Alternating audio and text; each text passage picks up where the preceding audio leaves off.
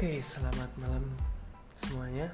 Di sini saya akan sedikit sharing tentang ilmu properti dan pada kesempatan hari ini saya ingin sharing tentang strategi analisis pemilihan lahan untuk proyek perumahan ya. Ini materi saya dapatkan dari pesantren properti untuk strategi analisis analisis pemilihan lahan yang pertama itu ada aspek lokasi. Lokasi itu sendiri ada terbagi menjadi dua, yaitu sunrise dan sunset area. Apa itu yang dinamakan sunrise dan sunset area? Yang sunrise adalah lokasi di mana di daerah tersebut masih jarang atau kepadatan penduduk di suatu wilayah itu masih sangat rendah. Namun diproyeksikan akan terjadi pertumbuhan yang signifikan. Hal ini dikarenakan di daerah tersebut akan dibangun sebuah public transportation atau public activity Nah, contohnya yang sedang booming yaitu di kawasan Kulon Progo. Waktu dulu sebelum adanya Bandara Internasional Yogyakarta, itu di sana sangat sepi. Kemudian tanah di sana itu sangat murah. Namun, setelah dibangunnya bandara, para investor dan pemilik lahan berbondong-bondong membeli lahan di sana dari yang harganya 50.000 sekarang bisa sampai 5 juta per meter persegi. Ini yang dinamakan sunrise. Nah di sunrise ini pertumbuhan atau harga dari tanah itu sangat signifikan melonjaknya. Nah ini yang dinamakan sunrise. Ada juga yang dinamakan dengan sunset area. Nah sunset area ini adalah daerah yang sudah ramai, sudah pan, sudah padat penduduk, ekonominya sudah terbangun dan jika kita sebagai seorang developer properti itu masuk ke sana itu harus memiliki dana yang besar atau budget yang besar untuk membeli lahan atau tanah di sana. Karena harganya sudah sangat mahal kemudian lokasi tanahnya juga sudah sangat jarang ditemui. Nah, aspek yang perlu diperhatikan ketika memilih lokasi atau tanah untuk perumahan itu bisa dilihat dari aktivitas-aktivitasnya, apakah sudah padat penduduk atau belum. Kemudian terbangun sarana fasilitas umum atau belum seperti sekolah, dekat dengan sekolah, dekat dengan pasar, rumah sakit, pabrik, dan industri, serta kantor pemerintahan. Nah, jika lahan atau lokasi yang kita survei itu berdekatan dengan fasilitas umum, itu bisa diprediksi bahwa barang yang kita miliki atau yang kita akan bangun itu akan ada marketnya atau akan ada peminatnya. Ya. Ini ma masuk aspek lokasi. Yang kedua yang tidak kalah penting yaitu aspek legalitas. Ilmu properti adalah ilmu tentang surat menyurat nah jadi ilmu di mana kita menguasai kepemilikan lahan atau tanah itu berdasarkan surat yang kita punyai. Jika kita punya surat secara resmi dan legal, bisa dipastikan kita menang terhadap hukum. Jika ada yang menggugat, itu kita bisa menang karena kita sudah berada di jalan yang benar.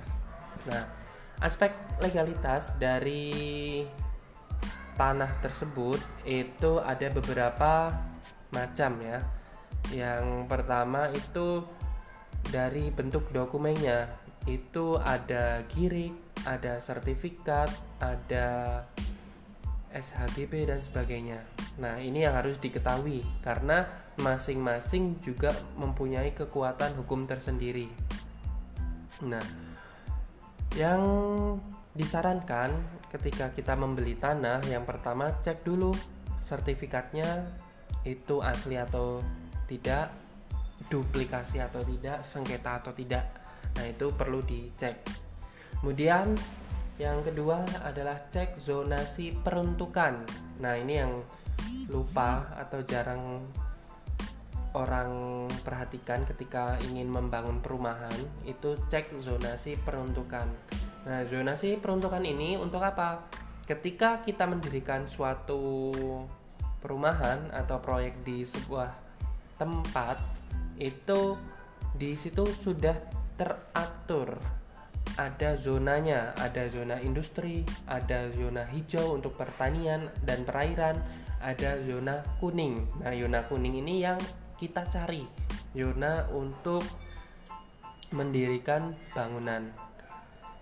Gimana sih kalau semisal kita membeli lahan yang zona industri atau zona hijau? Nah, ini peruntukannya sudah beda. Kalau industri untuk pembangunan pabrik kalau hijau itu untuk pertanian kebayangkan kalau semisal kita membangun rumah di misal di zona hijau nanti izin mendirikan bangunan dari pemerintah setempat itu tidak akan keluar karena kita sudah menyalahi aturan yang sudah ditentukan.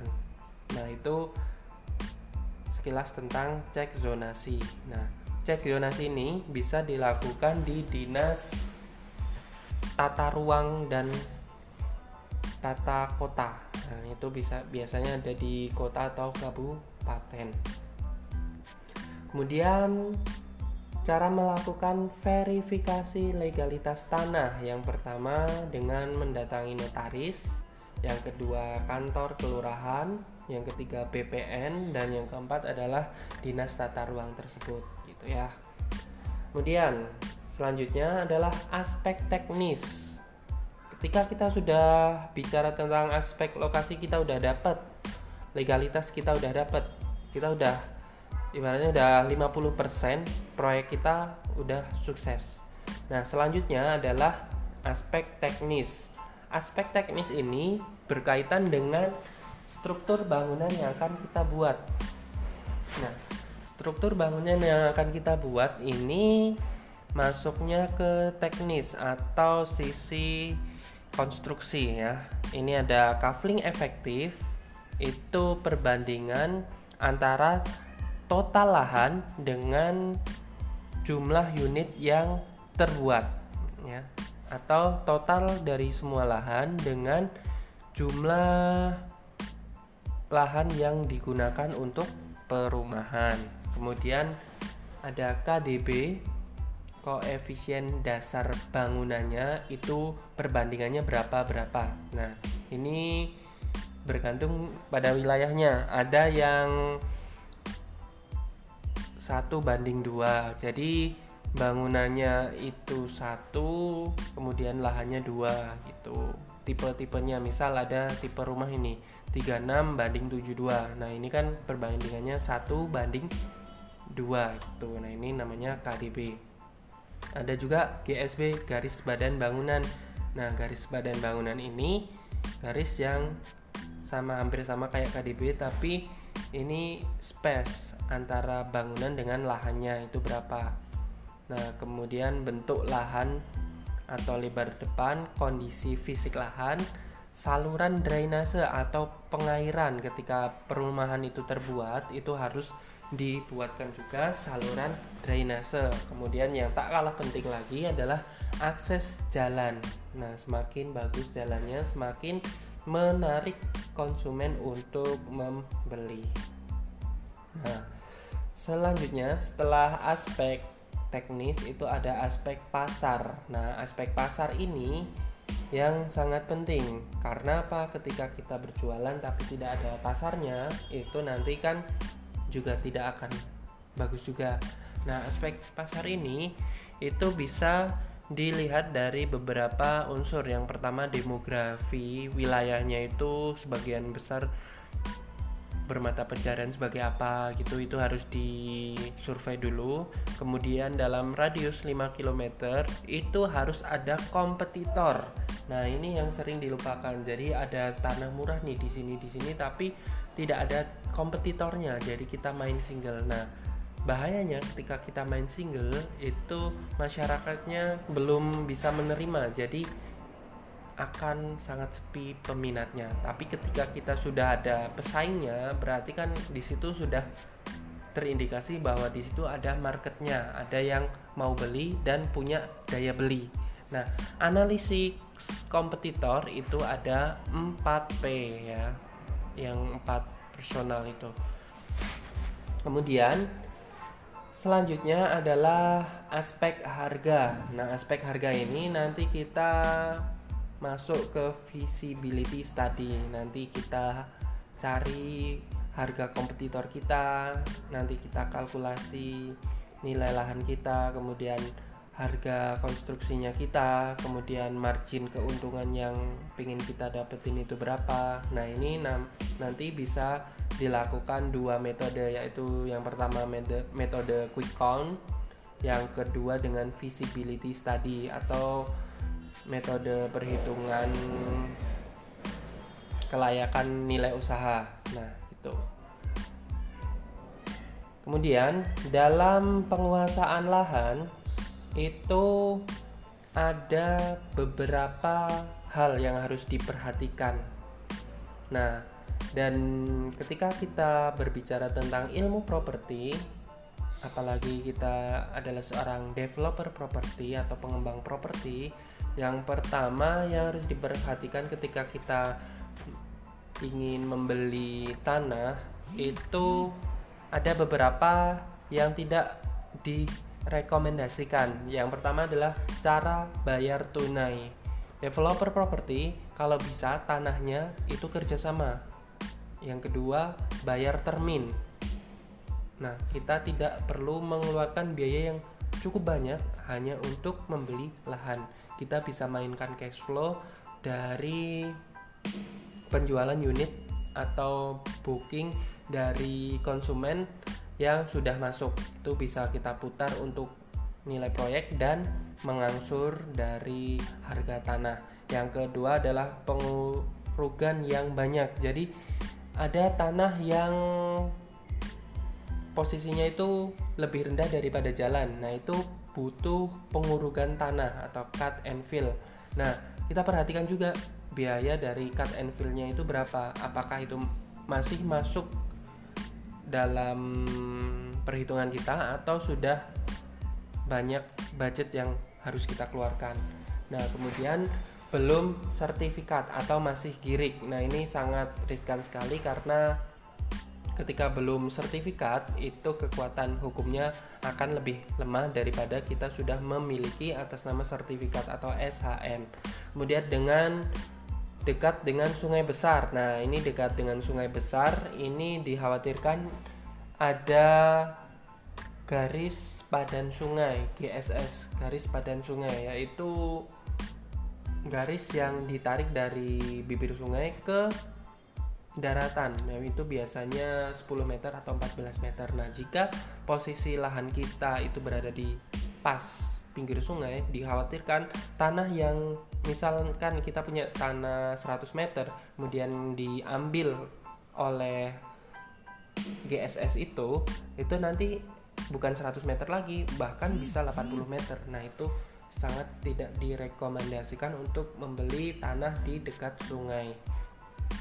Kemudian di bawah sutet atau dekat sutet ini juga berbahaya banget dan nilainya juga ketika kita membuat proyek di dekat sutet itu nilainya juga akan rendah dibandingkan dengan kita membuat uh, proyek tidak di dekat sutet itu karena sutet itu kan bahaya nih dan untuk pemindahan sutet pun lama gitu Kemudian ada akses jalan sempit dan masih tanah. Nah, jalan sempit dan masih tanah ini itu dikhawatirkan ketika kita menggunakan KPR bank itu appraisal dari banknya itu tertolak karena syarat dari KPR bank itu yang pertama adalah jalan akses masuknya itu bisa dilalui oleh mobil.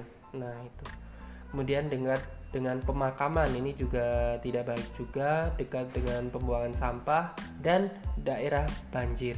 Nah terima kasih. Itu saja yang bisa saya sampaikan dari strategi analisis lokasi untuk proyek perumahan. Terima kasih. See you